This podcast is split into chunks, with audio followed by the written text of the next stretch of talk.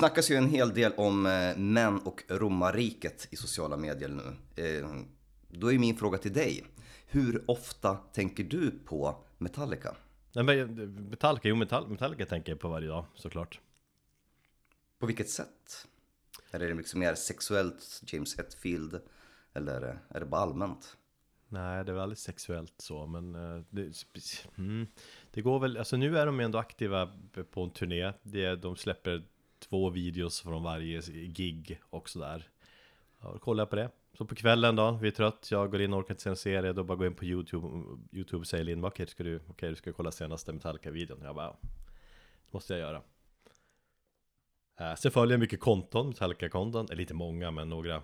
Så att, eh, nej men Metallica är någonstans alltid i bakgrunden för mig. Så patetisk är jag.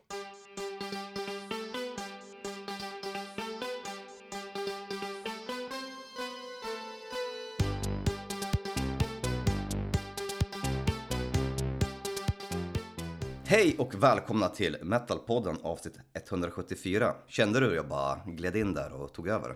Jag är helt i chock blev jag. jag har tänkt på det på sistone, fan, jag, ska, jag ska ta lite mer plats här, speciellt i introt. Mm. Eh, med mig, Thomas, och med min kära norrländska kollega Erik. Oj, Hur mår du? Ja, jag är helt chockad. Äh, men jo, jag mår väl hyfsat. Det här är morgon, det betyder att Thomas, du är lite gladare och mer peppad. Jag försöker fortfarande vakna, jag sörplar i mig kaffe här. I, i regel är jag ju, hatar jag ju livet allmänt på förmiddagar. Ja, klockan är kvart över nio. Det är tisdag. Jag är jättepigg. Det kanske det hörs att min energinivå är ganska hög. Ja, för mig är det exakt tvärtom. Jag blir bara piggare och gladare ju längre dagen går för att vara som mest pepp klockan elva på kvällen typ.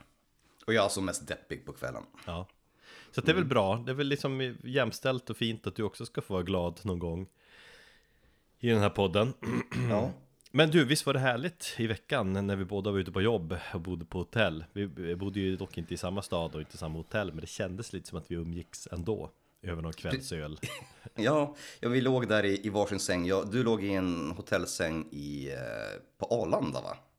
Arlanda och i Stockholm, två ja. olika hotell ja. Och jag låg på ett eh, fint hotell i Norrköping. Mm. Jo, nej men du, du, du var där. Jag, jag tänkte på det, för den ena sängen, jag hade dubbelrum, så, så, så den ena sängen var ju ledig.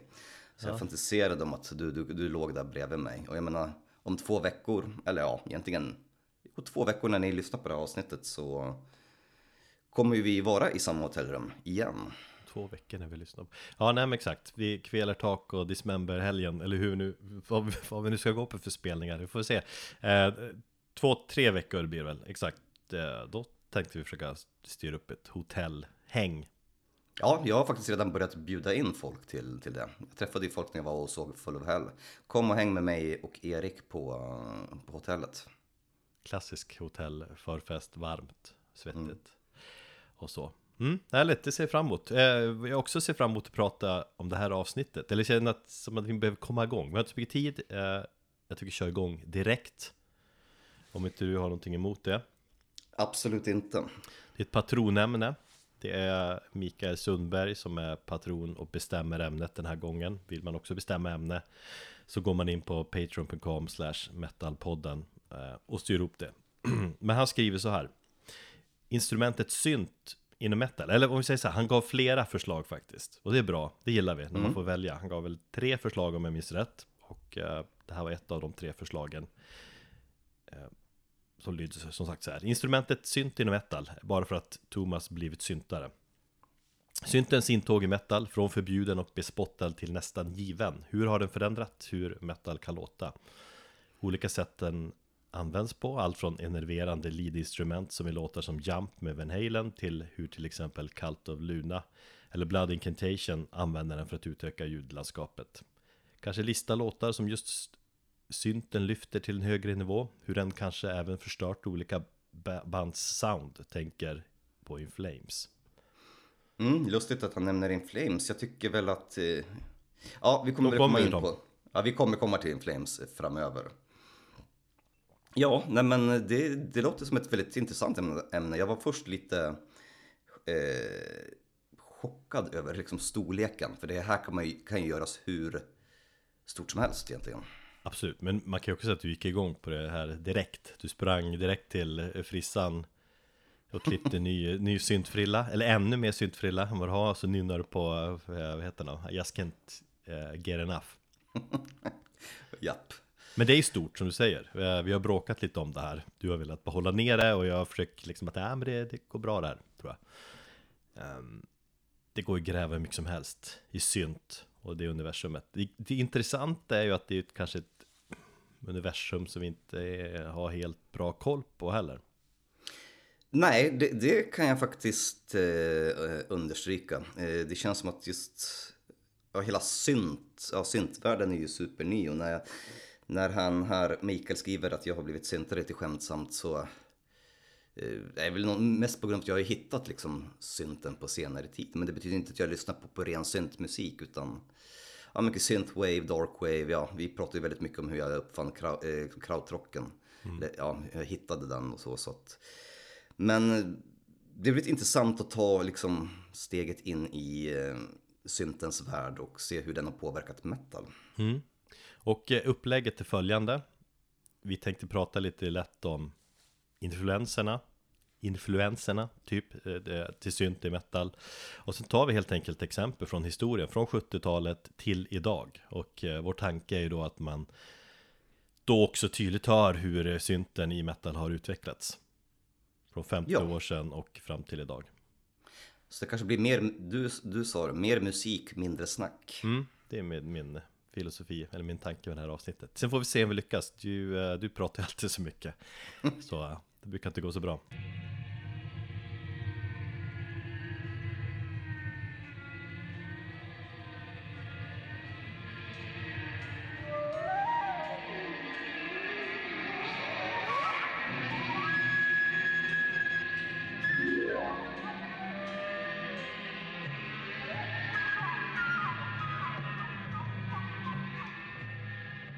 Men först och främst då, Thomas, synt inom metal. Vad, liksom, vad tänker du då, eller om vi säger, vad, vad var din inkörsport till det?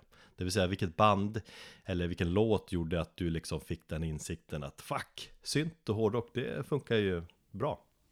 Ja, min inkörsport var lite annorlunda för att jag upp, eller jag säger min, min, den eran som jag upptäckte metal var ju 90-talet som är en ganska bespottad era. Just för att synten var ju ganska framträdande inom metal. Ehm, och vi hade det här stora syntkriget som jag kände var väldigt eh, påträngande liksom, i kulturen. Eh, I alla fall liksom den första hälften av 90-talet. Ja, fast var inte det mer 80-talet? Jag känner ju att jag har missat det kriget. Jag brukar försöka eh, vara ironisk och prata om det kriget, men jag kände väl aldrig riktigt att det var ett krig när man växte upp. Alltså vi växte både upp eh, på 90-talet och Nej, men, musiken. men alltså på... Alltså i skolan så märkte jag att det fanns en uppdelning fortfarande. Eh, I alla fall liksom 94-95 eh, med, med syntare och hårdrockare. Jag hade liksom kompisar i klassen som var syntare eller hårdrockare. Det var kanske inte lika stort som det var under 80-talet, men det, var, det fanns fortfarande liksom en uppdelning där. Det snackades fortfarande om att antingen är du syntare eller hårdrockare, du kan inte vara bägge. Och trots att det hade liksom luktrats upp. Men jag vill ju tro att min väg in i metal var ju via black metal.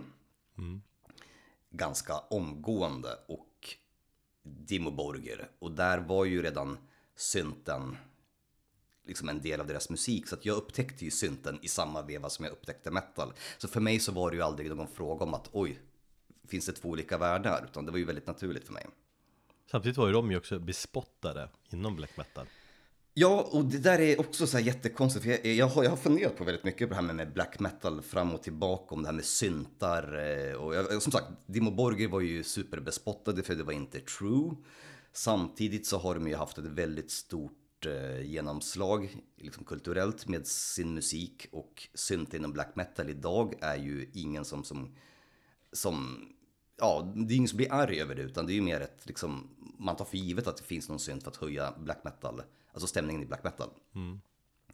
Eh, samtidigt som man säger att det var untrue att använda syntar, så men vad fan, vi kommer komma in på det, men, men Mayhem använde ju syntar redan på 80-talet, så att jag tycker att det där är skumt. Du har ju dungeon synt som många black metal-artister sysslar, på, sysslar med. Så att, eh, ja den där jävla true-begreppet och det där, det, jag, jag har inte riktigt fattat det. Men ja, Men det där Dungeon Synth har jag också kommit in på lite grann nu när man har googlat och haft sig. Ja, ganska nytt begrepp för mig ändå. det är det. Ja. Ja. Ja, det är ingenting som jag lyssnar på sådär, eh, eller som jag lyssnar på överhuvudtaget egentligen. Så jag har ganska då- dålig koll på Dungeon Synth. Jag vet bara att en hel del black metal-artister hänger i, i, den, ehm, i den lilla eh, genren och ja. Man får ju avsmak direkt bara man hör genrenamnet. Ja, jag tänker att liksom Drakar och Demoner Synt liksom, det är ju Vargvikernas lajvar eh, rollspel ungefär. Ja, men typ. Men nej, så att summera. Eh, Dimo Borgir, låten A Succubus in Rapture. Det var egentligen min inch, en av mina inkörsporter till metal och även inom för syntar inom metal. Men det kom allting samtidigt så för mig så var det inte. Det var inte, det var inga konstigheter helt enkelt.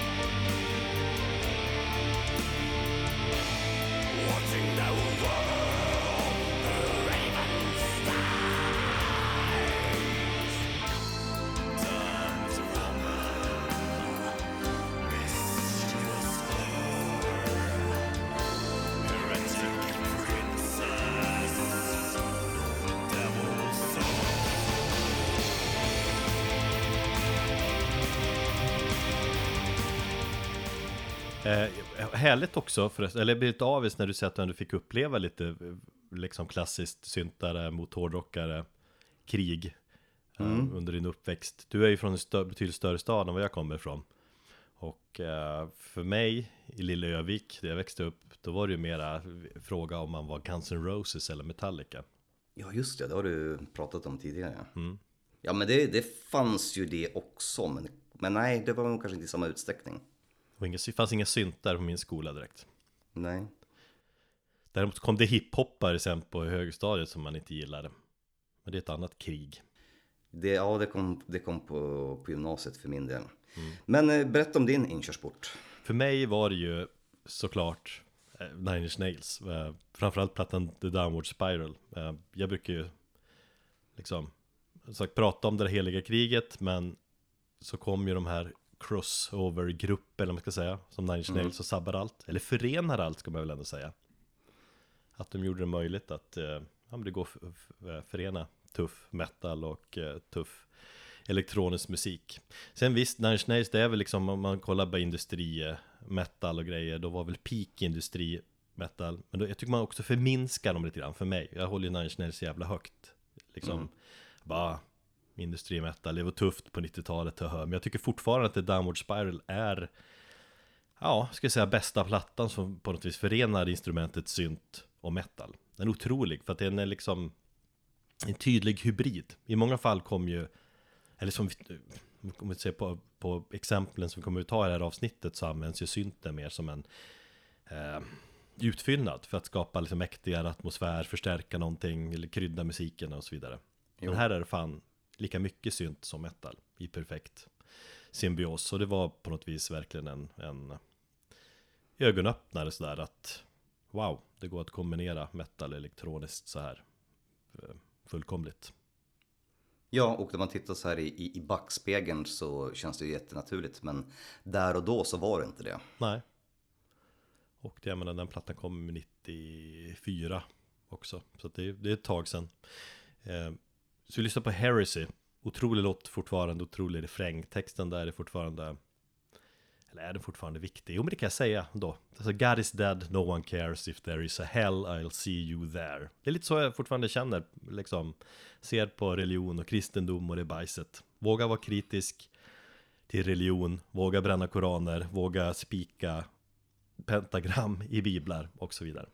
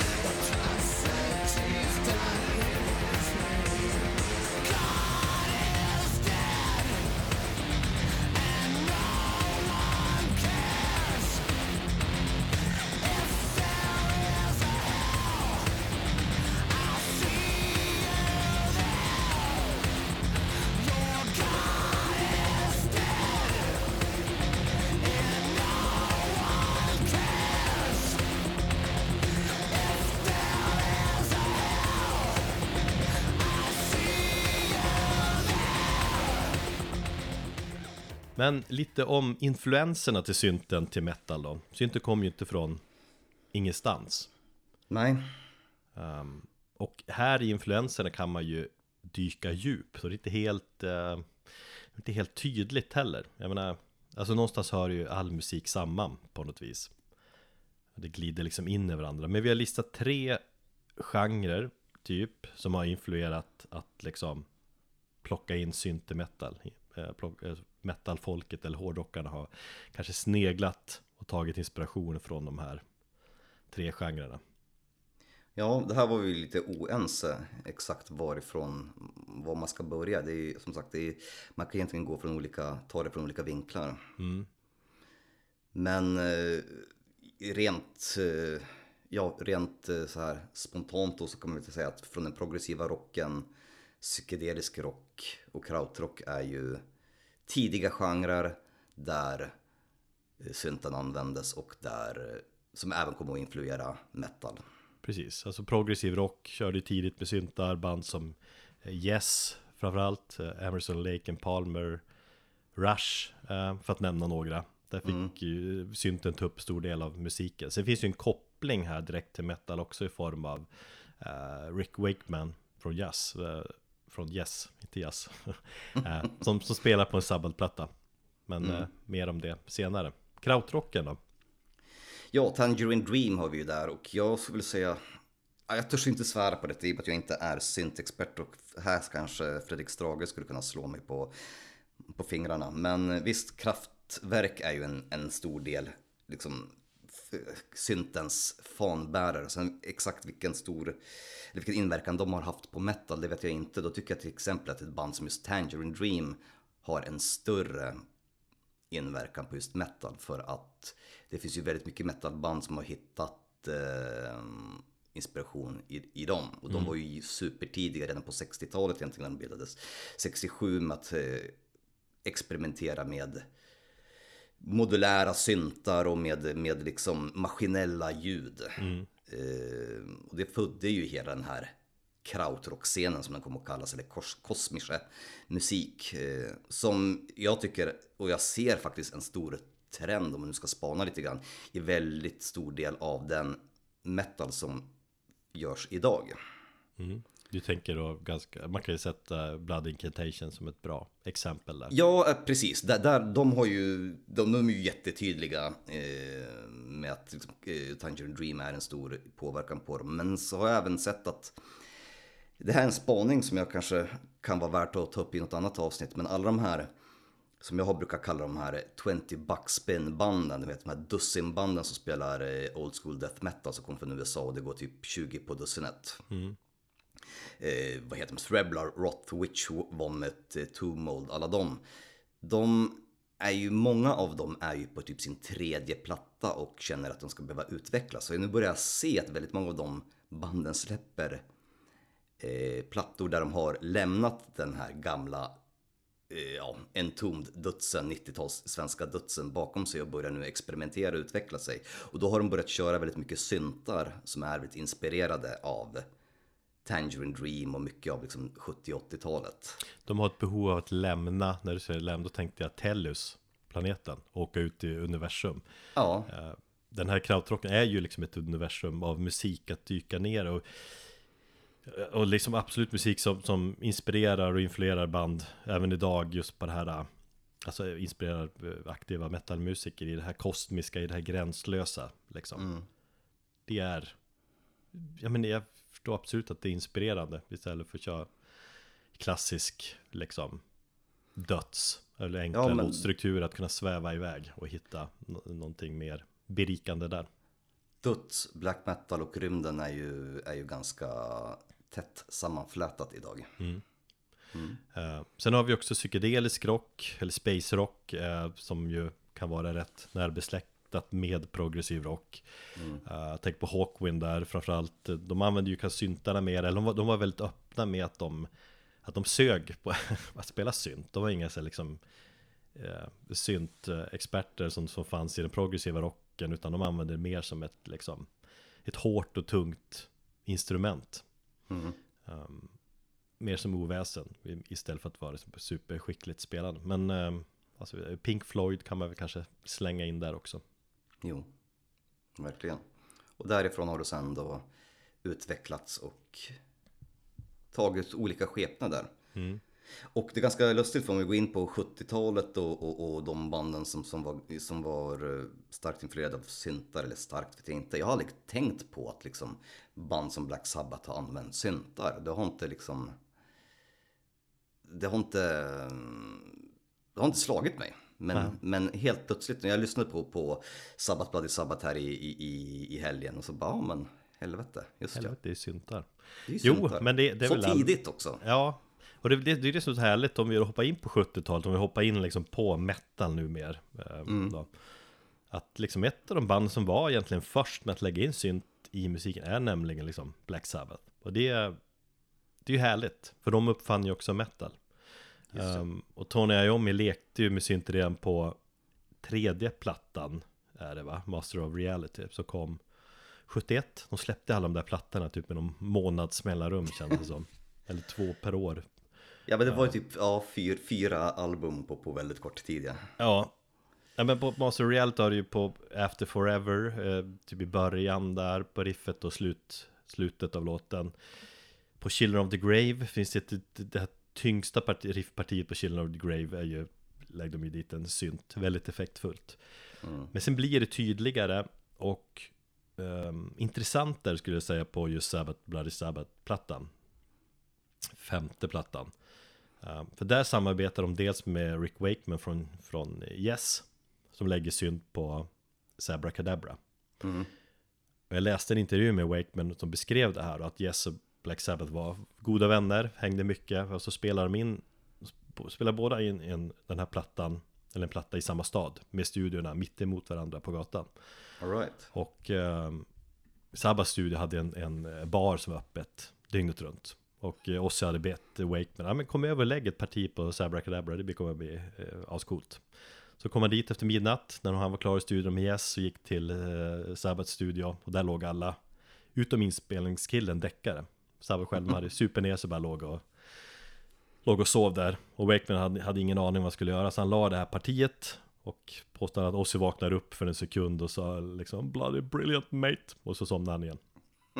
Det är kul. Och det, och det kan man liksom Lyssna på och tänka på att här, här sitter han och spelar in det här partiet medan Suputerna i Black Sabbath ligger däckade i, i ett hörn Känns ju också som att det är en historia som kanske har änd- ändrats genom årtionden. Något, men jag tror också det finns mycket sanning i det. Är, men det är ingen, ingen hemlighet att Sabbath var ganska trasiga med alkohol och droger un- under de här Nej. åren.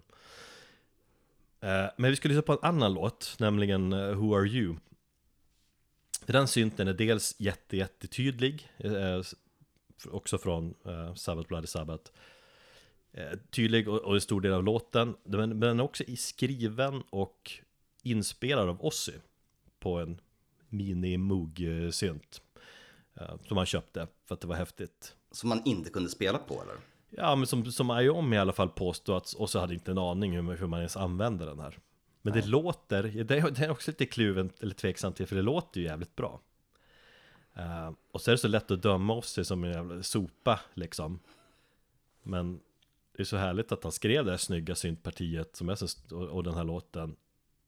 Och att det är så jävla härligt att det är The Prince of fucking Darkness som för 50 år sedan liksom eh, var den som införde på något vis synten i metal. Ja. Jag, jag tänker ju att eh, synt är ett instrument där man egentligen skulle kunna dölja sin totala talanglöshet. Eh, jag minns när jag skulle vara med i ett lokalt punkband när jag pluggade i Växjö i mitten av 00-talet. Och bara, men du kan ju få vara med på synt. Jag är ju upp, uppvuxen och spelat piano. Eh, det hade gått några år sedan jag hade spelat då. Men jag tänkte, ja men synt funkar ju bra liksom. Du kan ju trycka på lite, du kan ju göra väldigt mycket stämningsfulla grejer utan, utan speciellt mycket eh, mycket effort så att säga. Det, det hörs ju tydligare om du är en dålig gitarrist och eh, liksom på det sättet. Uh, Så jag tänker ju att kanske att, eh, ja, det är lättare. ja, det vet jag inte. Alltså synt om man ska jämföra, det är ju liksom ett piano i grunden då. Om man snackar vanlig klassisk synt med tangenter. Du måste ju ändå kunna, för att kunna ta ett ackord liksom. Du måste ju veta ändå ha någon form av li- liksom musikteori i dig. Ja, självklart. Men fortfarande så tycker jag att det går ju att gömma sig bakom effekter och du kan ju egentligen med några få tangenttryckningar liksom skapa en, form av ljudbild som ja, inte är speciellt svår. Men ja, självklart, det krävs väl också kunna vara, det kommer väl komma till här framöver när vi kommer in på 00-talet om, om bra synt och, och dålig synt musik liksom. Och jag menar, och någonstans finns det väl någon, någon form av ursprungsdiskussion då här om, om synt och metal, om, det, om de tillhör varandra. Eh, det har väl varit sådana diskussioner, men då är det som sagt, kolla på Black Sabbath, bandet som i princip uppfann metal, de körde med synt råtidigt. Ehm, och sen dess, så, alltså, så att metal och synt har varit ett ända från början egentligen.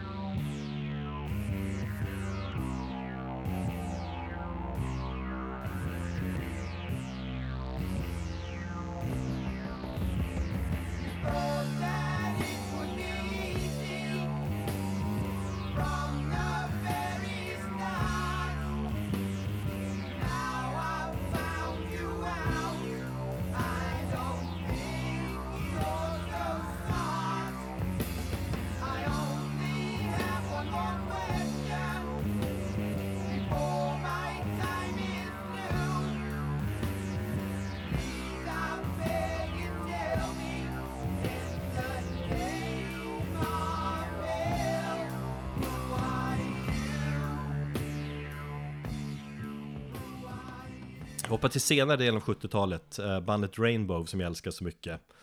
Eh, framförallt eh, Dio-plattan, de tre första. Och tredje plattan här, Long Live Rock'n'Roll, var sista plattan. Måste, man känner att man måste ju nämna Dio när man snackar synt och hårdrock. Det höll han ju på mycket med på 80-talet också. Jo. Det här Det här är i och för sig, det var inte första Rainbow-plattan där synt användes Men på andra plattan Rising uh, finns ett intro där också Men just på låten Gates of Babylon Från Long Live Rock'n'Roll är det Alltså jag, vet jag tycker den ser otroligt snygg den här synten Och stor del av soundet En undran där, i och med att vi nu är ganska nära 80-talet och den här själva diskussionen om synt och, och hårdrock. Hur, hur uppfattades synten på, på den här plattan av fansen?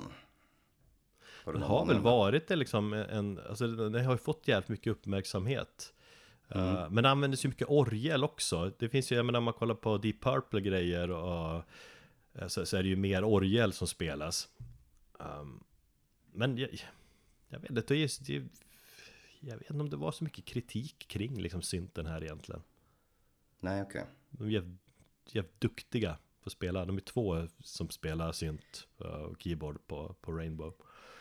Um, sen, sen vet jag att många ser den här låten som, eller power metal-folket ser det här som någon form av pionjär för power metal. Eller någon, någon form av så här proto power metal.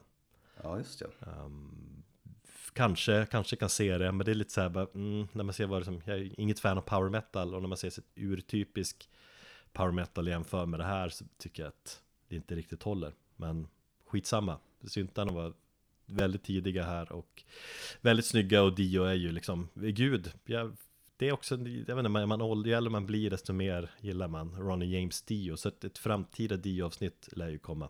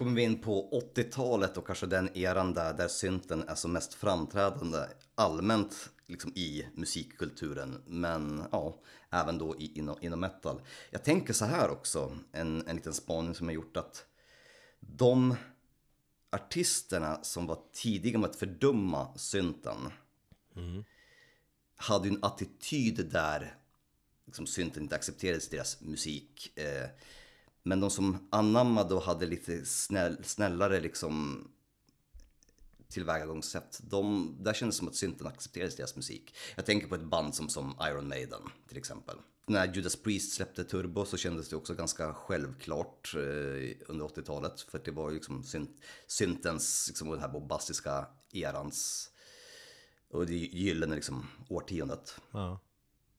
Ja, nej men det är så allmänt 80-talet och hårdrock och synt, då, då är det ju Eller man tänker syntar hårdrock, då tänk, jag tänker spontant på 80-talet därför att de blev så populära, de blev så framträdande Eh, Det var väl jobbigt för många också kan jag tänka, men och, och därav liksom diskussioner om syntarna hör hemma i den tuffaste musikgenren, men det är att synten fick så stor liksom plats i soundet. Det var... Ja, ja från, från att ha gått att vara kanske ett komplement till musiken på 70-talet och använts som ett stämningshöjande verktyg så, så användes det den ju som, som ja, lead-instrumentet. Ja, men nå- några exempel där, jag menar d- solo, första soloplatta Blizzard of Oz där Mr Crowley, introt.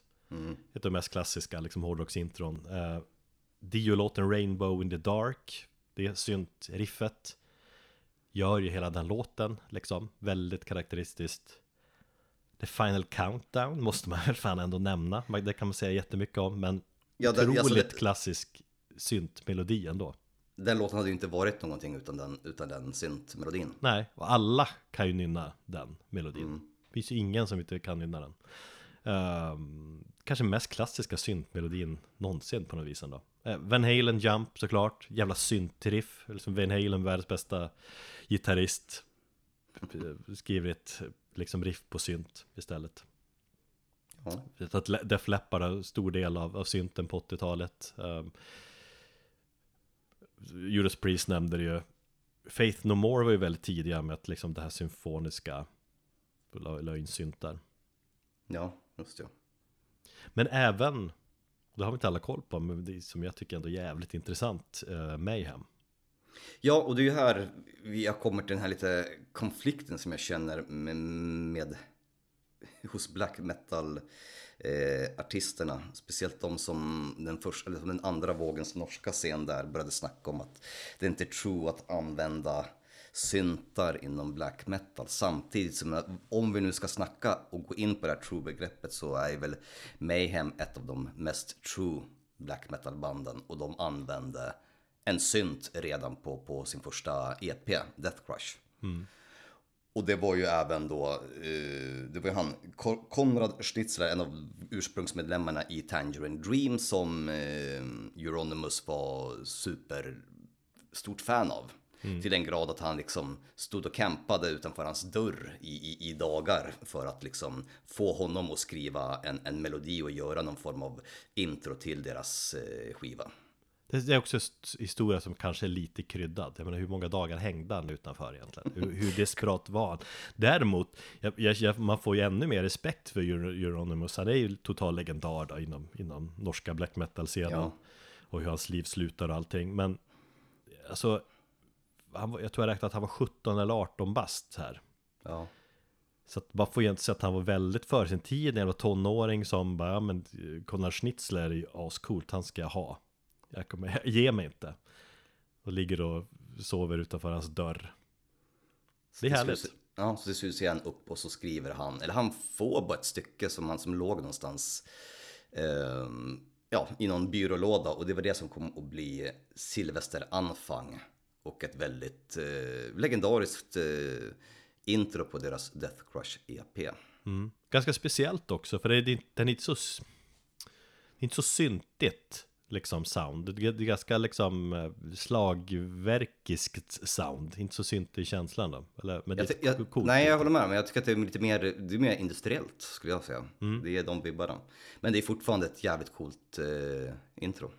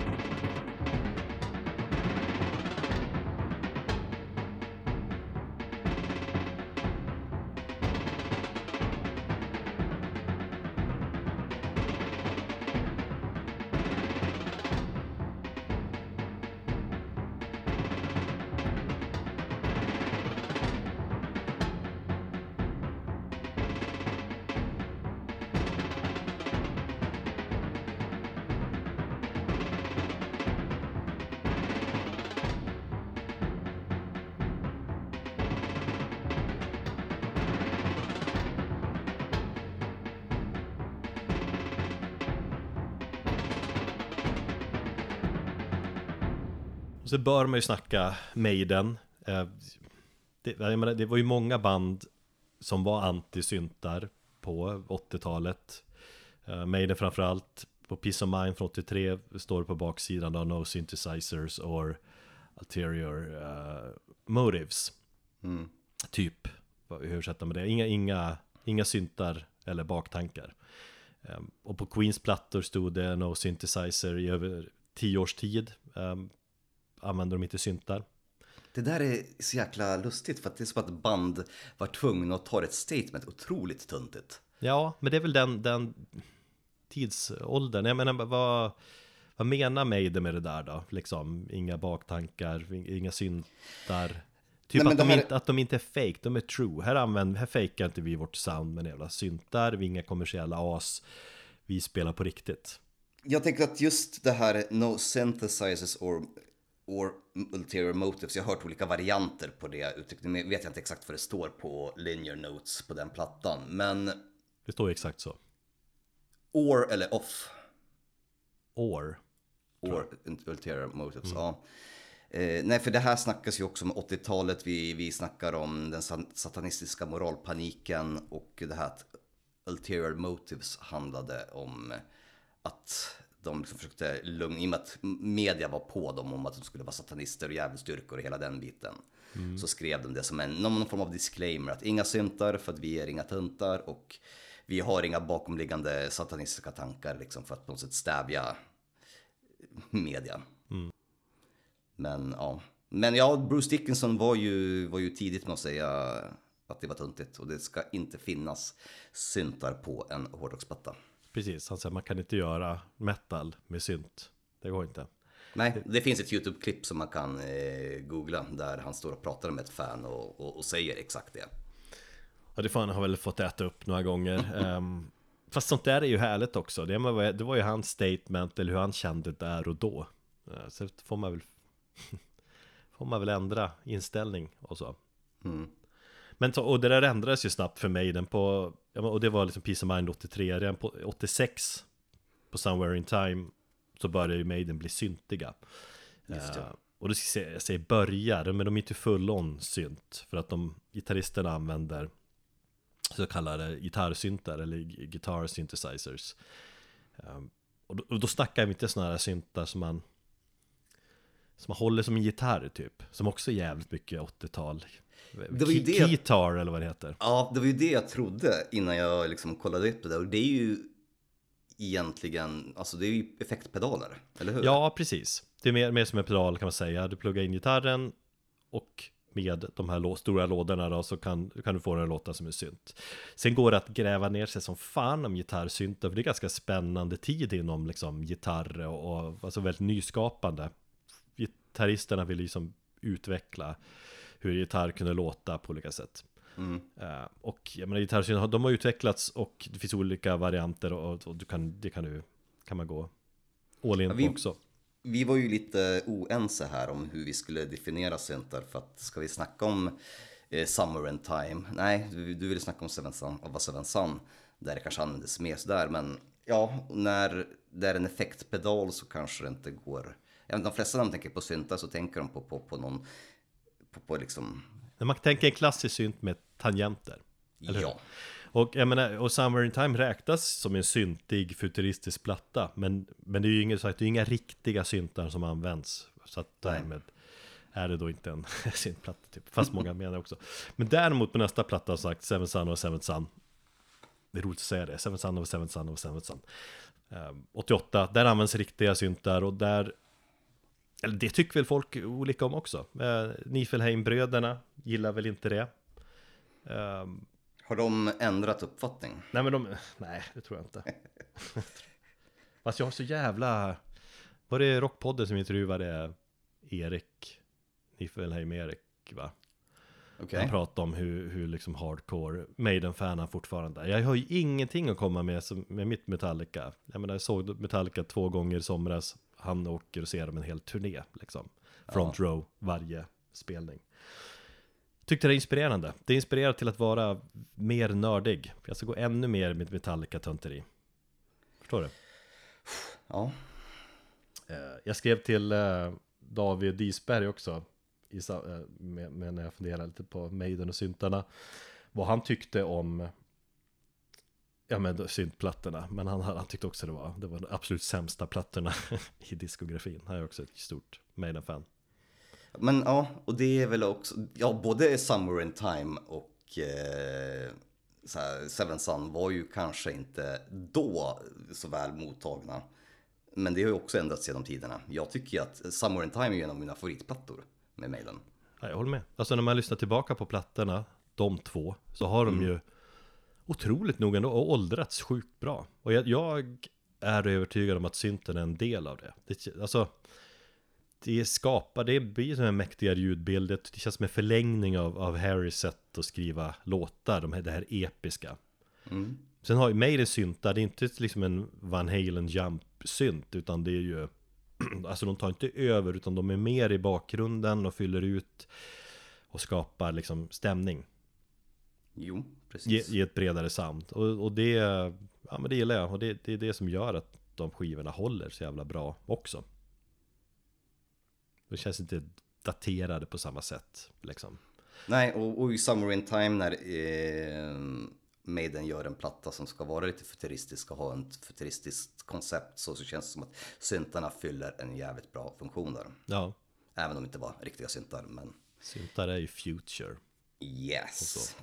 Eh, men vi ska lyssna på, på titelspåret Seven Sun of Seven Sun och eh, för det som är nyfikna då kan man på YouTube lyssna på varianter på den här låten då eller då synten inte är med, den har plockats bort. De har släppt alla ljudspår, så har någon ju som gjort det att man har tagit bort synt ljudspåret. Eh, och det skapar en jävligt bra bild också vad synten gör. Det känns liksom fattigare utan synten. Det låter peace of mind igen, vilket i och för sig inte är dåligt. Men det låter, då känner man att, ja ah, men nu vänta, det här låter mer tidigare 80-tal Maiden än senare 80-tal. Mm. Och så kan man bara lyssna på det, på det, det separat syntspåret också. För att höra liksom att det är ändå jävligt mycket synt i den här låten.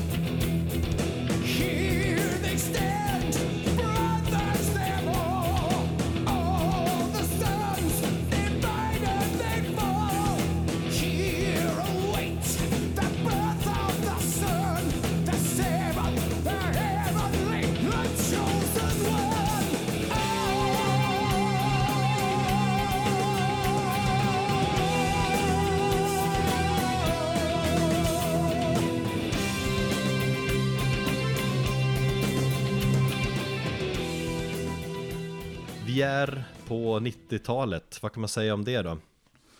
Ja, det är ju egentligen vårat eh, årtionde. Vi tillhör ju den åldern där vi var som mest påverkade av metal under 90-talet och det var där vi växte upp. Och då var ju 90-talet, ja, dels hade väl hårdrocken allmänt gått ner sig, grungen tog över och industriell musik blev ju betydligt, och nu metal blev ju också större. Jo precis, alltså man ser klassisk hårdrock dör av och från det utvecklar sig liksom en hel del nya undergenrer. Och, det, och, Alltså då, jag- då, och då i, i samband med det så känns det också som att syntens användande inom musiken breddas med, med, med olika typer av metal. Ja, okej, den formen, då, då kan man spela synt på det här viset och med den formen så spelar man, använder man instrumentet på det här viset. Ja, och inom black metal så var det ju liksom Dimborg och Cradle Filth som var väldigt stora och för dem så var ju syntar eller någon typ av elektroniska orglar väldigt, eh, väldigt stor del av ljudbilden. Och ja, men det var ju jävligt stort. Man tänker på Cradle of Filth som pikar järnet där slutet av 90, början av 2000-talet. Alltså den symfoniska black metalen, eller vad man nu kategoriserar in dem. De är, känns väl ändå bredare än vad så, men hur mår den scenen idag egentligen? Eh, den symfoniska black metalen är väl... Alltså Grill, Grill of Filth tänker jag har ju fortfarande sin stabil, stabila fanbase. Jag... Alltså Krill of Filth och Dimo Borger var ju min inkörsport till black metal som sagt. Och, men jag vet inte, Krill of Filth hamnade jag ganska snabbt på, på, på kant med för att första plattorna och jag lyssnade faktiskt på Cruelty and the Beast här i, här i helgen och bara insåg hur jävla bra den faktiskt är. Och da- hur till exempel syntarna eh, eh, förstärker musiken. Det är fortfarande black metal med gotiska inslag. Sen kan jag väl tycka att det här gotiska kom att ta över väldigt mycket mer än kanske black metal i, inom, i, för Cradle of Filth. Så att menar, deras 00-tal och 10-tal har jag ganska dålig koll på. Eh, så den scenen, jag, bara, jag tänker att det, det. Ja men det, det, det du nämner också, de där gamla, de är, det är gamla band liksom som har funnits kanske upp mot ja, 25 år. Um, Ja, Finns det nya spännande band inom den symfoniska black metal-genren? Liksom? Jag försöker tänk, tänka på det, om det är ja, inget som ja. är i ropet riktigt. Jag, en jättedålig spaning här, men jag har... För det första så, jag har inte koll på den symfoniska black metal, för det är ingenting som jag lyssnar på idag. Jag kan liksom lyssna på tidiga Krill och Filth och Dimo Borger som, så här, av nostalgiska skäl. Eh, om jag nu lyssnar på black metal så är det väl mer... Ja, i och för sig, all jävla black metal innehåller ju syntar på något sätt, men då är det mer atmosfäriskt och stämningshöjande än, än symfoniskt. Men jag, kan, jag vet inte, för, någon, för några år sedan så tyckte jag att det var en hel del så här one man black, black metal band från Ryssland. Och de körde väldigt mycket symfoniska inslag. Det var några ryska band som ville liksom uppleva 90-talets symfoniska black metal-era. Det kom en hel del. Jag vet att jag sprang omkring och lyssnade på, på, på, på det på Bandcamp. Men för min del så känns det som att det fortfarande är en inte speciellt populär genre idag. Det känns som att när jag tänker på symfonisk black metal då tänker jag på storbröstade gothbrudar ungefär. Det, det är ju där det är och att det är på något sätt ganska perifer och tidstypisk genre som är kanske lite förlöjligad av övriga hårdrockare. Mm.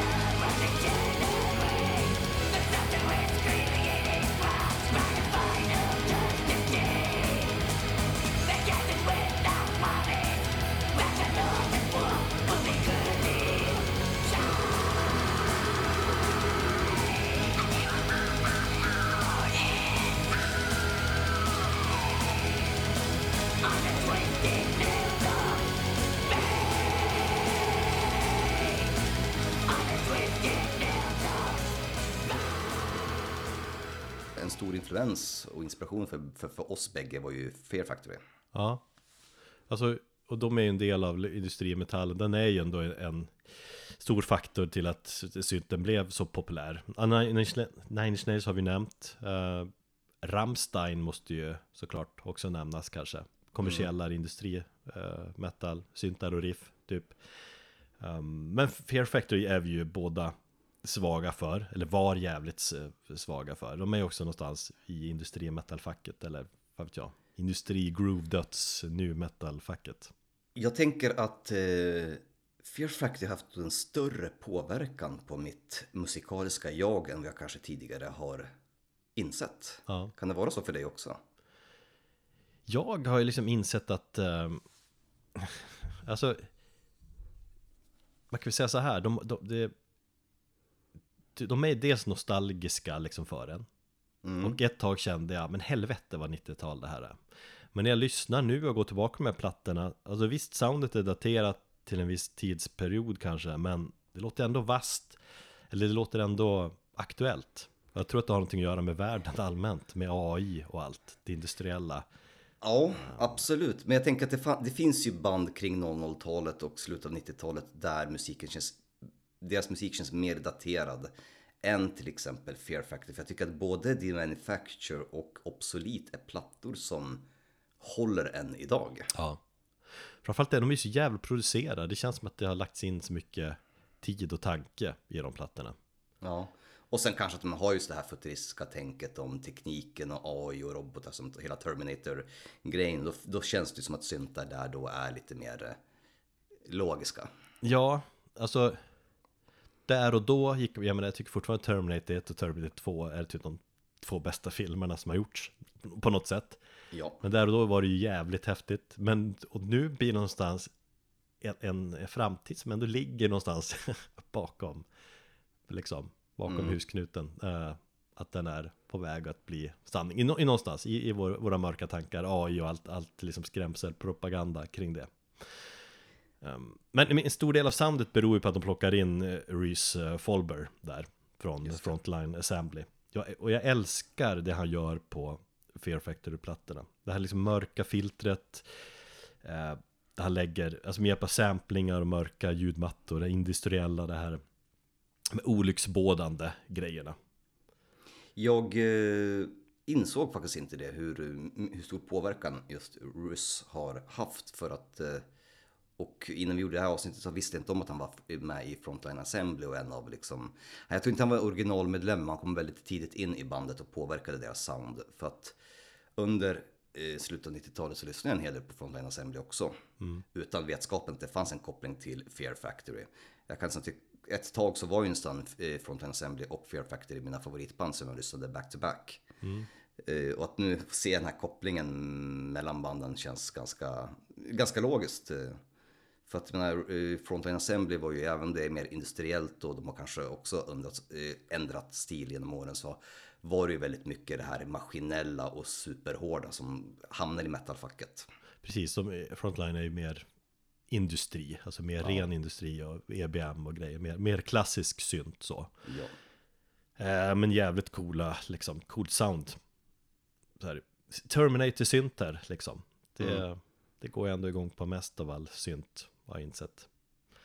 Eh, och om man lyssnar på dryga första minuten av det här klassiska titelspåret på The Manufacture så hör man ju eh, uh, Folbers syntlager, att, att det gör så mycket av helheten —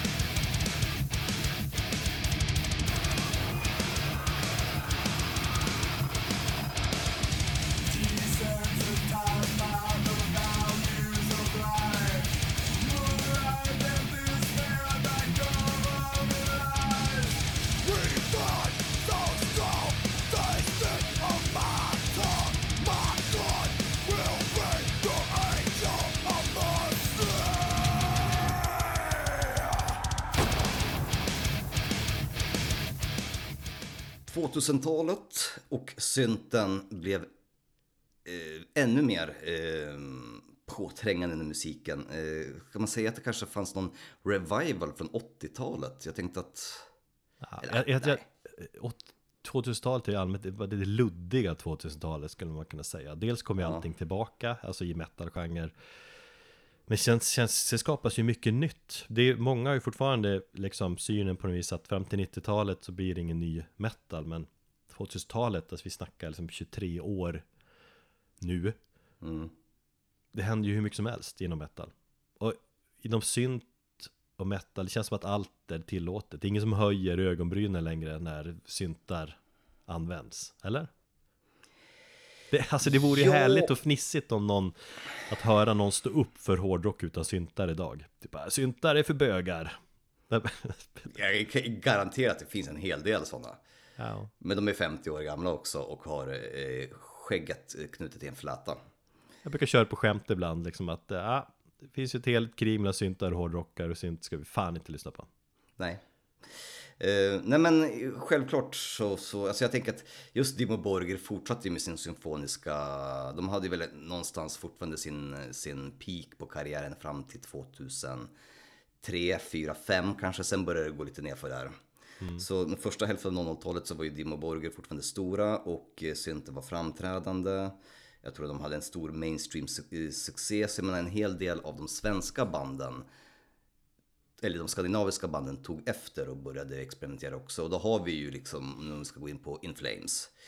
In Flames lämnade sina liksom, tvillinggitarrer, folkliga inslag och, och, och började experimentera med mer liksom, industriella tongångar. Och då har vi ju Root to Remain-plattan. Där mycket av deras tidigare ja, signaturljud försvann till, till, till förmån för just syntar. Eh, Arch Enemy började väl också köra en hel del syntar. Vi har Soilwork, gick ju från att köra döds-thrash till någon form av metalcore med syntar. Eh, Children of Bodom är ju ett eh, jättestora eh, inom liksom syntiga hårdrocken och de har väl egentligen haft syntar sedan första plattan, eh, redan liksom 96. Nej, jag har dålig koll på dem men så, Ja, nej, men jag, jag har ju ganska bra koll på, på Children of Bodom. Det var ju mycket så här, det, det, redan 96 så, så användes väldigt mycket av sådana influenser i, i musiken. Eh, Dark Tranquility började, de tog ju in till och med en keyboardist i deras, eh, i deras band. Som, som, som fick liksom en heltidsposition.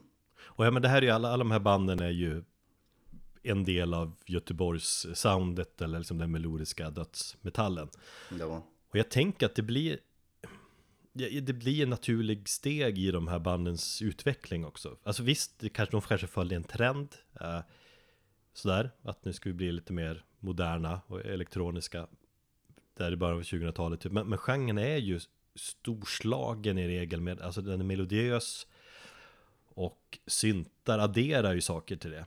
Så att den tjänar, syntar tjänar, alltså det är genren som tjänar på att lägga in de här syntarna.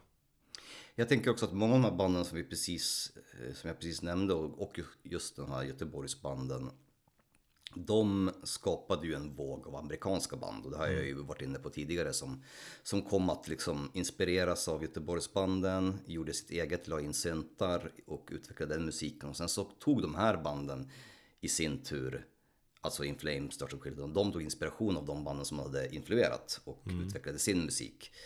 Så att det, gick, det blev ju något så här givande och tagande och så som In Flames gjorde i början av 2000-talet, det tycker jag ju till exempel, jag är inte ett stort fan av deras sätt att använda syntar och speciellt inte på Reroute to Remain.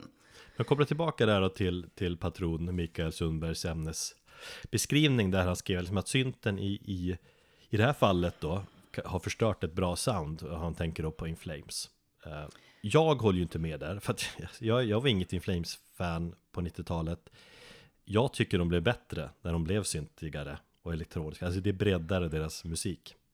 Jag vill inte säga att det förstörde deras sound för att jag tror att de började experimentera med någonting där och de var nya på det och de testade något som sedan kom att eh, eh fullända betydligt bättre framöver. Utan vi får säga att det här är första trevande stegen för In Flames att ta in syntar.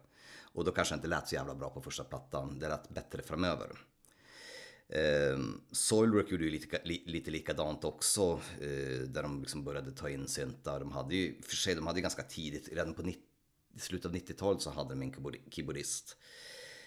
Men det blev också en del, eh, liksom, innan de hittade sin, sin väg och, och, och, och göra det på ett snyggt sätt. Eh, ett stort exempel här tycker jag, liksom, okej, Children of Bodom, där har vi, om vi ska gå till Mikaels fråga där om irriterande leadinstrument. Jag tycker att Children of Bodom hade ju liksom så tydliga syntar att de körde liksom syntsolon. eh, På väldigt många låtar. Jag tänker just på eh, Follow the Reaper från 2000. Där har du ju extremt mycket eh, syntsolon på, på liksom keyboard eller en keytar eller vad fan de använder. Det Dark går ju lite bort. det går lite bort, ja det gör ju det. Även om det kan, liksom, ibland så lyckas de få till det ganska snyggt. Men Dark Tranquility tycker jag är ett perfekt exempel på hur jag tycker att syntar användes på ett bra sätt. Ta 2000-talet och ehm, plattan Haven. Där de tog in Martin Brännström som var deras keyboardist och är det än idag. Eh, han, det, den plattan är jätte, jätte tydligt syntbaserad. Eh, vilket jag tycker på något sätt, när jag hörde den plattan eh, så blev jag chockad. Och hade lite svårt att liksom acceptera det, speciellt i i och med att de kom från en dödsmetallbakgrund och i plattan innan, The Projectorn som var väldigt gotisk och mörk och lågmäld. Och så släppte de en sån jäkla tydlig syntplatta. Och sen då på Damage Done, som jag tycker är fortfarande bandets bästa platta.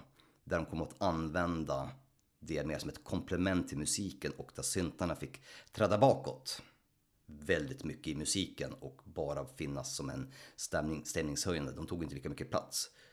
Och där tycker jag att de lyckades få till det jäkligt snyggt. Och så på den vägen har de egentligen fortsatt till typ än idag. Att hans musik är ju mer som en... Jag skulle kunna ha jag svårt att se Dr. Tranquility utan honom idag. Ehm, så att, eh, ja, det, det, det, där har vi ett exempel på hur, hur snyggt det kunde användas. Och för att illustrera detta exempel så, så kan man ju lyssna på egentligen valfri spår från Damage Done-plattan från 2002. Men i synnerhet så vill jag peka på, på låten The Enemy och hur snyggt man kan göra det.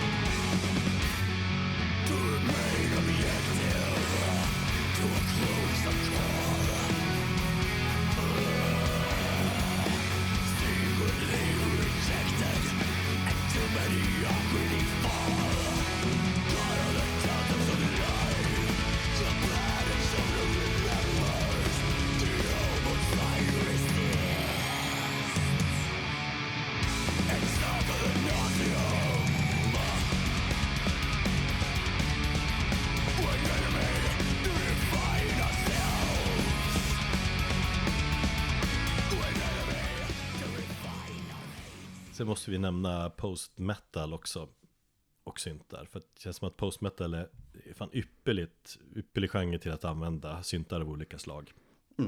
De jobbar ju mycket med, med lager av ljud. Syntar, då kan du addera till tyngden, liksom addera till mystiken i, i soundet. Liksom. Ehm, och, och det här har vi skrivit upp kanske de tre största då, Neurosis, Isis, Cult of Luna. Jag tänker på en snubbe som heter Noah Landis i Neurosis är ju expert på det här. Alltså, och det känns som revolutionerande också. Han, han kommer väl in i bandet i mitten av 90-talet och så här. Men han använder ju inte bara liksom klassisk synt utan han använder ju mycket liksom bakgrundsljud och det är men, syntar och effekter och, och, och liksom samplingar och liksom helt jävla allt, hela registret av hur man kan jobba med elektronisk musik för att förstärka ett sound på olika sätt. Eh, t- till den här debatten så vill jag tillägga att jag tycker rent livemässigt om du har ett band som du har syntare där syntare är en stor del av eh, din ljud. Jag tänker på när jag såg nu Full of Hell senast på Slaktkyrkan. Och sångaren har ju sitt, sitt lilla Ditt lilla noise eh, där. precis som man använder och han måste ibland liksom, ja, sluta, eller han står och skriker framför det och gör lite olika ljud och sånt där. Det tillför någonting till musiken. På samma sätt som, som att ha en keyboardist eller en syntperson ståendes på scen. Vilket som, som jag sa tidigare, Dark Tranquility har. In Mm. Flames hade ju programmerade syntar i studion som de körde som backtracks. Mm. Och det tyckte jag, det förtog lite grann av känslan att man, jag vill gärna se personen som spelar synt. och, och det är en del av diskussionen också. Det är som Maiden har haft syntar sen liksom de senaste 40 åren. Ja. Men de har, syntkillen får ju inte vara med på scenen utan han står ju backstage och spelar synt. Okej, ja. Han får liksom inte synas. Men hur, hur, är det med, hur har det varit med Neurosis då? Ja, Men de har ju, Landy står ju fan mitt, ja, stod Ja, har- längst fram. Uh, Men han hoppade inte han? Nej, det var deras grafiker som hoppade av. Eller han Ja. som gjorde, så var det. Precis. Men han är ju liksom, kollar man live-videos, alltså han är ju djävulskt Alltså när man ser på YouTube är det nästan, det är på gränsen till att Inte cringe, men lite på helvete vad han lever sig in i det här Men live är det så jävla liksom blodallvarligt på alla sätt Att alltså det ökar eh, känslan så otroligt mycket för, med hans ljud och så Ja men Isis hade ju sin eh, syntkille liksom längst fram uh, Kallt och Luna, absolut en del av, av soundet och en del av uh, livescenen att han, han står där Christer, eller vad heter han? Christian? Just ja, ja eh, han spelar väl också i, eh, ja vad heter de? Han spelar väl i, Jag vet vilka du tänker på det, inte i Koma men eh, PG Lost. Eller Just det. Page, Page Lost, så heter de kanske. Eh, jo, och ska vi stanna lite grann vid Cult of Luna så det här är nästan någonting som jag skulle vilja fråga Johannes om. Jag menar, här har vi ett hardcore-band eller ett band, ja, det kanske inte var hardcore eh, liksom från början, men eh, de använde ju syntar tidigt också, slutet av 90-talet. Och Hur, hur det mottogs när, jag tänkte på Johannes som kommer från en hardcore-rörelse och, och liksom den kulturen, hur det mottogs. För att sådana hardcore-syntar kan jag inte tänka mig heller är så här super... Eh, super... Eh, ja, vad ska man säga, det, det var väl också förlöjligat ett tag. Samtidigt så är ju syntar ett jävligt stort eh, inslag i Cult musik och, det, och det, de hade ju inte varit någonting utan sina soniska ljudlandskap. Nej men precis, men det, det är ju exakt. För det är Kallt och Luna, visst de kommer från hardcore-scenen Men de är, spelar ju, Kallt och Luna är ju inte hardcore Utan det är post och Jag menar, Kallt, eller Neurosis har ju kört med syntar och grejer Så att det är väl en, en naturlig del av ja, Soundet helt enkelt. Ja, och eh, det, det, det sound, eller synt, eh, ljudet har ju också utvecklats i Cult of Lunas musik. Jag tänker på från Somewhere Along the Highway till eh, Eternal Kingdom och fram till egentligen idag. Det låter ju riktigt maffigt idag, men om man nu ska snacka om någon form av perfektionism eller alltså där det bara är perfekt, då är det ju plattan Vertical som jag håller som Cult of Lunas eh, absolut bästa platta. Och hela det här futuristiska, den här Metropolis-grejen som, som Johannes har pratat om, hur, hur han vill skapa det liksom, lite metalliska ljudlandskapet. Och- Men det är mycket det som gör, alltså temat på plattan också passar så Ja. bra in med eh, synten Ja, det är så otroligt snyggt och jag är ju speciellt eh, förtjust och svag för Moog-synt. Och det används ju till fulla på den här plattan. Och som jag sa till dig, eller som jag skrev till dig, att det, det låter ju väldigt organiskt och levande. Så att vi lyssnar på, på lite Cult of Luna från, från Vertical och, och, och hur, hur syntarna kan förstärka och bara skapa en helt maffig ljudbild.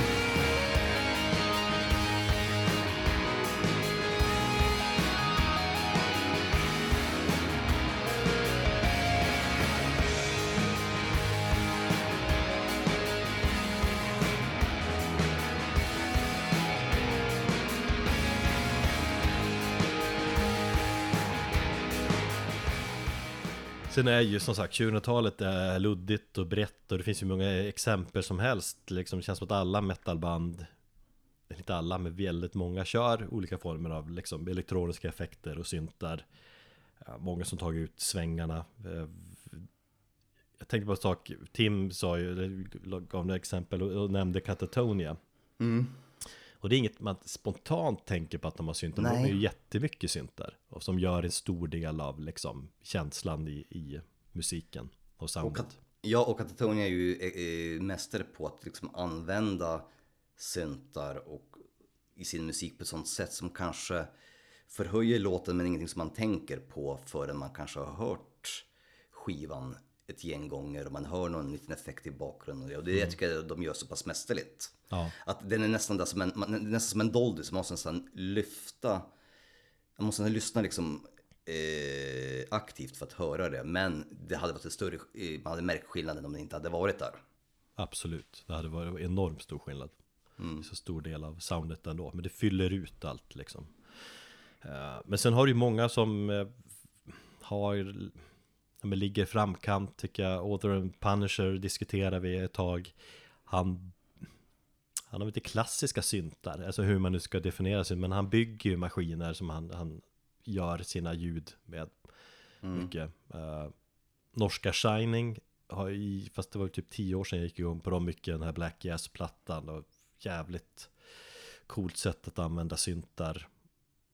Nu tycker jag de har tappat det helt, men eh, ett band som jag har lyssnat på en del, eller som smyglyssnat på, är Spirit Box, som är supermodern metal, metalcore, gent, eh, alternative sound liksom. Fast det finns en form av garbage, bandet garbage i dem som jag är svag för.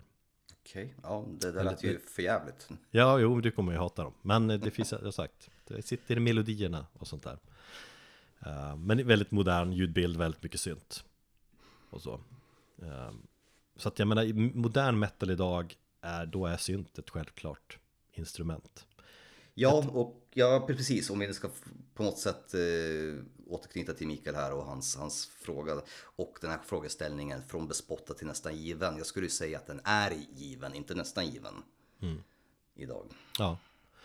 Eh, Ett exempel som jag vill ta, eller ett av två exempel, är ju Lepris. Avantgarde-snubbarna från Norge, eller som min poddkollega säger, Dressman Rock. Nej, men jag tycker Lepris har varit fantastiska i liksom tio år nu, det är så länge jag följt dem, eller så länge de har existerat. Och det band som, som många gånger berört mig, de har gett mig eh, så här, pilo, erektion många gånger och en liksom stor anledning till det är användandet av synten som sångaren Einar, Einar Solberg står för. Just Borde det- inte de ha någon ny platta på G eller? Nej men de släppte ju en platta för inte så länge sedan ändå. Två år sedan kanske. Okej, ja.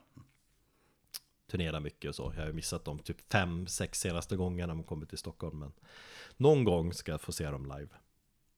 självklart. Nej, men just i synt och så kombination med hans mäktiga sång så blir det på ett vis perfekt matchning. Och, och, och det, är också, det är också ett band som har på något sätt blivit mer och mer elektroniska under karriären och vågat bli mer och mer experimentella också ska jag säga. Ehm, för att visa det då tänkte jag vi kan lyssna på låten From the Flame från 2017 års platta Malina. Så här gör man liksom ett klassiskt popgrepp, börjar med refrängen och så under versen plockar synten, synten bort och så sen är det lite mer ett avancerat gitarrkomp istället och så kommer synten in tillbaka till den storslagna eh, refrängen.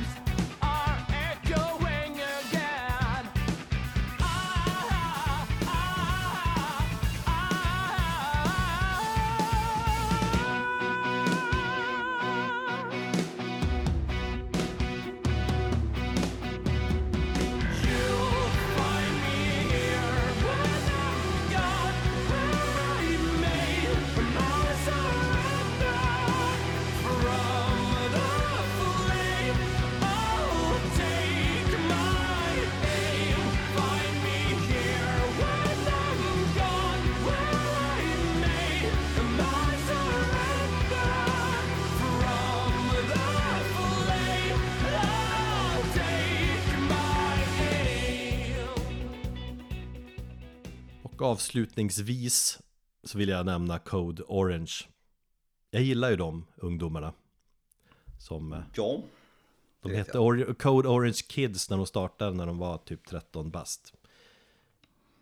Bokstavligt talat typ. Men nu har de växt upp. Eh, och det är väl de två senaste plattorna framförallt som jag är svag för. Tycker det, det, det, det liksom ambitiöst band. Ska man kanske beskriva dem som. Jag har ju hört lite grann av dem och, och ja, syntarna där tar ju, jag ska nästan vilja säga, är det liksom, är det inte mer industriella tongångar? Än, Ja, men de är svårdefinierade. Alltså i grunden är det någon form av blandning mellan hardcore, där de kommer ifrån, och metalcore, liksom, typ. Men sen då på senare tid har de lagt in betydligt fler influenser. Det är mycket industri där absolut. De har ju före detta Nine Inch Nails medlem som har lagt liksom ljudmattor och så. Och sen mycket alternativ, eller alternative metal och grunge och så. Och det försöker de slänga in på skiva. Så det är väldigt varierande, väldigt utmanande. Det är flera sångare. Men det är också liksom en, en röd tråd. Och det är liksom hur de använder det elektroniska på olika sätt som blir den röda tråden då. ja. Och liksom trots att jag jämfört med dem är liksom gammal gubbe så jag gillar i stor del av varför jag gillar dem är liksom hur jag sett att se på metal. De ligger liksom i framkant, de vågar förnya, de vågar hetsa, de pratar om metal som en genre som när de växte upp också liksom på, på 00-talet och så som det var den genre där det händer mest. Det är den genre inom musik som har mest framåt-tänk och det är mest nyutveckling och så. Men de menar att idag är det inte längre så. Det är så mycket liksom, bakåtsträvande tänk inom genren och, och så var det inte förut. Och jag menar, bara vi, bara vi nu när vi har gått igenom hur synten har använts i metal lite med olika exempel senaste 50 åren det visar ju också hur metal är konstant en, en form av genre som hela tiden förnyas. Ja, jo. Och jag gillar nya band, jag gillar band som försöker göra någonting nytt. Jag vägrar tro att allt är gjort. För många kör med det snacket. Jag hatar det tänket hos alla. Jag tror ju att allting är gjort. Jo, men det är ju dumt. Det är, och i stor del tror jag liksom att du är gammal. Och då är man inte, man är inte lika Men jag- jag nyfiken. kan- Man, man, man har inte orken på samma sätt att hitta det här nya då. Ja, absolut. Jag, jag har inte orken att hitta på. Jag, jag avfärdar det mesta för att jag har inte den attention spanen längre.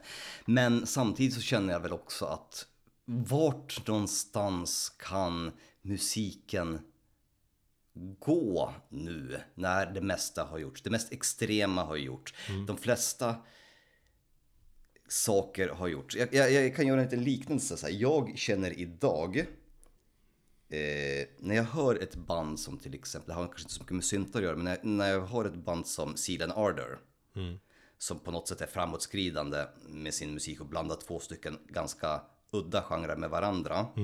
Och jag säger att det inte gifter sig väl och tycker inte det funkar. Jag kommer ju förmodligen få äta upp de orden om 40 år när man tittar tillbaka och det sitter någon tionde upplaga av eh, småpojkar som gör Metalpodden 3 liksom, eller 4.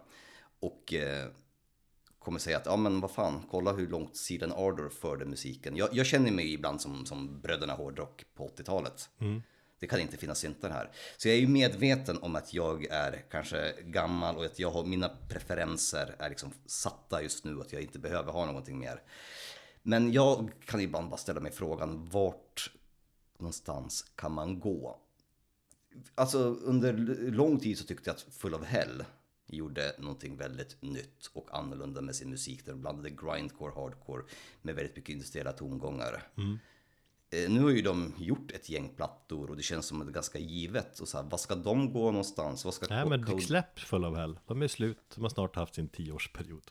Ja, de har ju haft sin tioårsperiod. Ja. Det, det, det sa han ju när jag pratade med, med Dylan i, i, i Slagkyrkan. Han bara, "Ja, jag har funnits i över tio år. Jag bara, "Ja, det kommer ju bara gå ned för. Mm. Det ja, så, absolut, jag kommer att släppa det. Men Code Ja, Orange... men det händer ju, det är ju små, det är ju inte så att det måste komma något, folk börjar alltså, liksom förvänta sig någonting helt nytt, jävla revolutionerande. Men det kom ju liksom band som låter nytt. Jag tycker Code Orange är ett skitbra exempel på det. Man får tycka vad man vill om dem då. Men de har ett sound som jag tycker inga andra liksom låter som den här blandningen som de gör. Um, Silnarder, men det finns ju andra exempel också. Nu hade jag ett på tungan här som jag tappade när du började prata. Industriell black metal har gjort, jag tänkte på de här... Eh, Ja men Candy för funderar bara på, liksom hardcore Ja. som vi båda gillar så mycket Men Candy gör en jävligt fräsch form av brutal hardcore Med deras Mm. liksom noise-element Det känns inte så riktigt som att det finns något annat hardcore-band som låter som Candy tycker jag Jag tycker de är ju ganska snarlika Full of Hell. Eh, fast kanske lite mer, ännu mer på, på, på indus- industriella, jag vet inte. Nej, de är ju mer hardcore, för de är ju mer grind så här. Man ska prata, det, det, det, här också jag har, det blir så jävla lätt att man blir så anal i sitt genre Ja, beskrivande. Och, jag, och kollar man på det liksom 70-talet och allt, det var ingen som liksom sa att eh, jag menar att Black Sabbath sa väl inte ens att de spelade metal liksom. Uh, Rainbow sa inte att de spelade jävla power metal. Alltså Metallica när de kom, de sa att de, döpte sin stil till power metal, vi är power metal. Uh, thrash fanns inte och så vidare. Alltså det, är- det ska alltid sättas in i olika fack och så. Jo, eh, jag tänker på så här dödsmetall och syntar. Ja, absolut, det har jag redan gjort. Det finns ju, men sen tänker jag också black metal och syntar. Ja, det har väl också gjorts, eller industriella tongångar. Jag tänker på det här franska bandet som du snackade för ett, två år sedan. Liksom Någon liten med salpetersyra eller någonting. Som, som är kanske ett av de få banden som, som går i, som gjorde någonting nytt och lite annorlunda tänker jag. Men ja, nej, men det är väl bara inse att synten är given i, i dagens musik och speciellt när, när det mesta görs på en iPad och programmeras väldigt eh, tydligt så ja. Snart gör vi inte musik alls längre, snart är det AI som gör musik. Ja, det kommer vi ja, återkomma till. Ja, och då är det väl den som bestämmer om det ska bli syntar eller inte när människan är förslavad. Har vi tid för en, en liten snabb grej till Code Orange kopplat? Jag har all tid i världen, det är du som är stressad. Nej då, jag är på G här. Nej, men jag läste en ganska nylig intervju tror jag med Reba Myers, gitarrist i, i Code Orange. Hon pratade mycket om, liksom, om det här med nya band och metalfestivaler och headliners. Att de, största heller, det är liksom, det är bara gamla band, det är bara band från 90-talet, 80-talet och så vidare. Eh, och det, det känner man, ja men det är logiskt, de är som störst. Men då menar jag, men kolla på liksom andra festivaler, eh, på modernare, eller andra genrer, alltså Coachella till exempel, där är headliners mer eller mindre moderna nya akter. Eh, och, men hon menar liksom att ja men det är för att eh, ja, men de som driver festivalerna marknadsför det på det viset och säger att nej men de här har inte tillräckligt mycket publik och grejer. Eh, och, det, men det, det, det, och så säger hon också att ja men till exempel inom hiphop, där är det inte eller eh, där är det oftast de nyaste banden som är de största. Um, och att det, det är det som är grundproblemet med metal också, att det är, det är bakåtsträvande och det, det finns Metal har varit otroligt liksom nyutvecklande hela tiden, men nu är det mycket att, ah, gammalt och, det, och alla nya band, det, det, det, det är nya och de får liksom mindre uppmärksamhet. Det är Metallica, de här jävlarna som, som fyller ut de stora. Ja, jag, jag kanske, ja, alltså, en, en festival som Roadburn hade ju inte kunnat existera idag om den hade varit kvar i det eh, Doom och Stoner-träsk den, den var i när den började 2013 där eller när det var. Nej, och de i Roadburn är jättebra exempel på hur man kan göra, men att det kanske behövs mer ett nytänk på det. Det vore coolt, kanske, om en festival bara vågar satsa på nya band. Och då tänker många, ah, fan det blir ju bara massa jävla metalcore-band. Eller inte. Alltså marknadsför band som det nya, stora, liksom, eller någon typ av regel, att band får bara ha funnits i tio år eller något sånt där. Ja, kanske.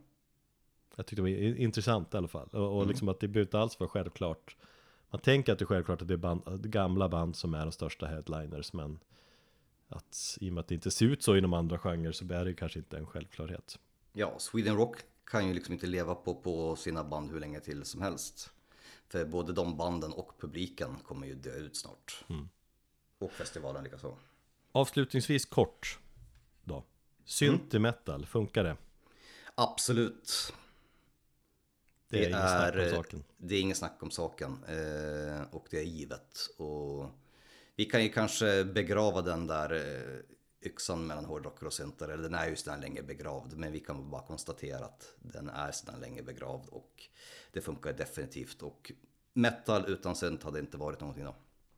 Ja men så här, Black Sabbath var, använde synt tidigt för över 50 år sedan så Och det har hela tiden, synt har hela tiden utvecklats med genren, så att det är, synt och hårdrock är ju ett. Förutom Metallica, de använder inte syntar, men det är väl allmänt jätteovanligt inom thrash. Det är väl där det skulle kunna vara någonting. Ett thrash, thra- thrash metal-band som använder syntar. Jag vet inte, Vector kanske gör det. Futuristisk thrash metal, jag vet inte. Det kanske finns. Jo, det gör de väl, har de väl. Eller det känns som så. Finns ju ett, ett klassiskt eh, ögonblick från den här eh, Black Album-dokumentären. Där det kommer in en kille som ska lägga syntar på Nothing Else Matters. Och så ser man hur Ulrik och, och Hetfield i bakgrunden vrider sig. Liksom. Tyckte jättejobbigt. Och den, du hör inte den i mix, slutmixen. Kanske någonstans jättesvagt i bakgrunden. Get him out of there. Precis. Tack, så. syntar Thomas.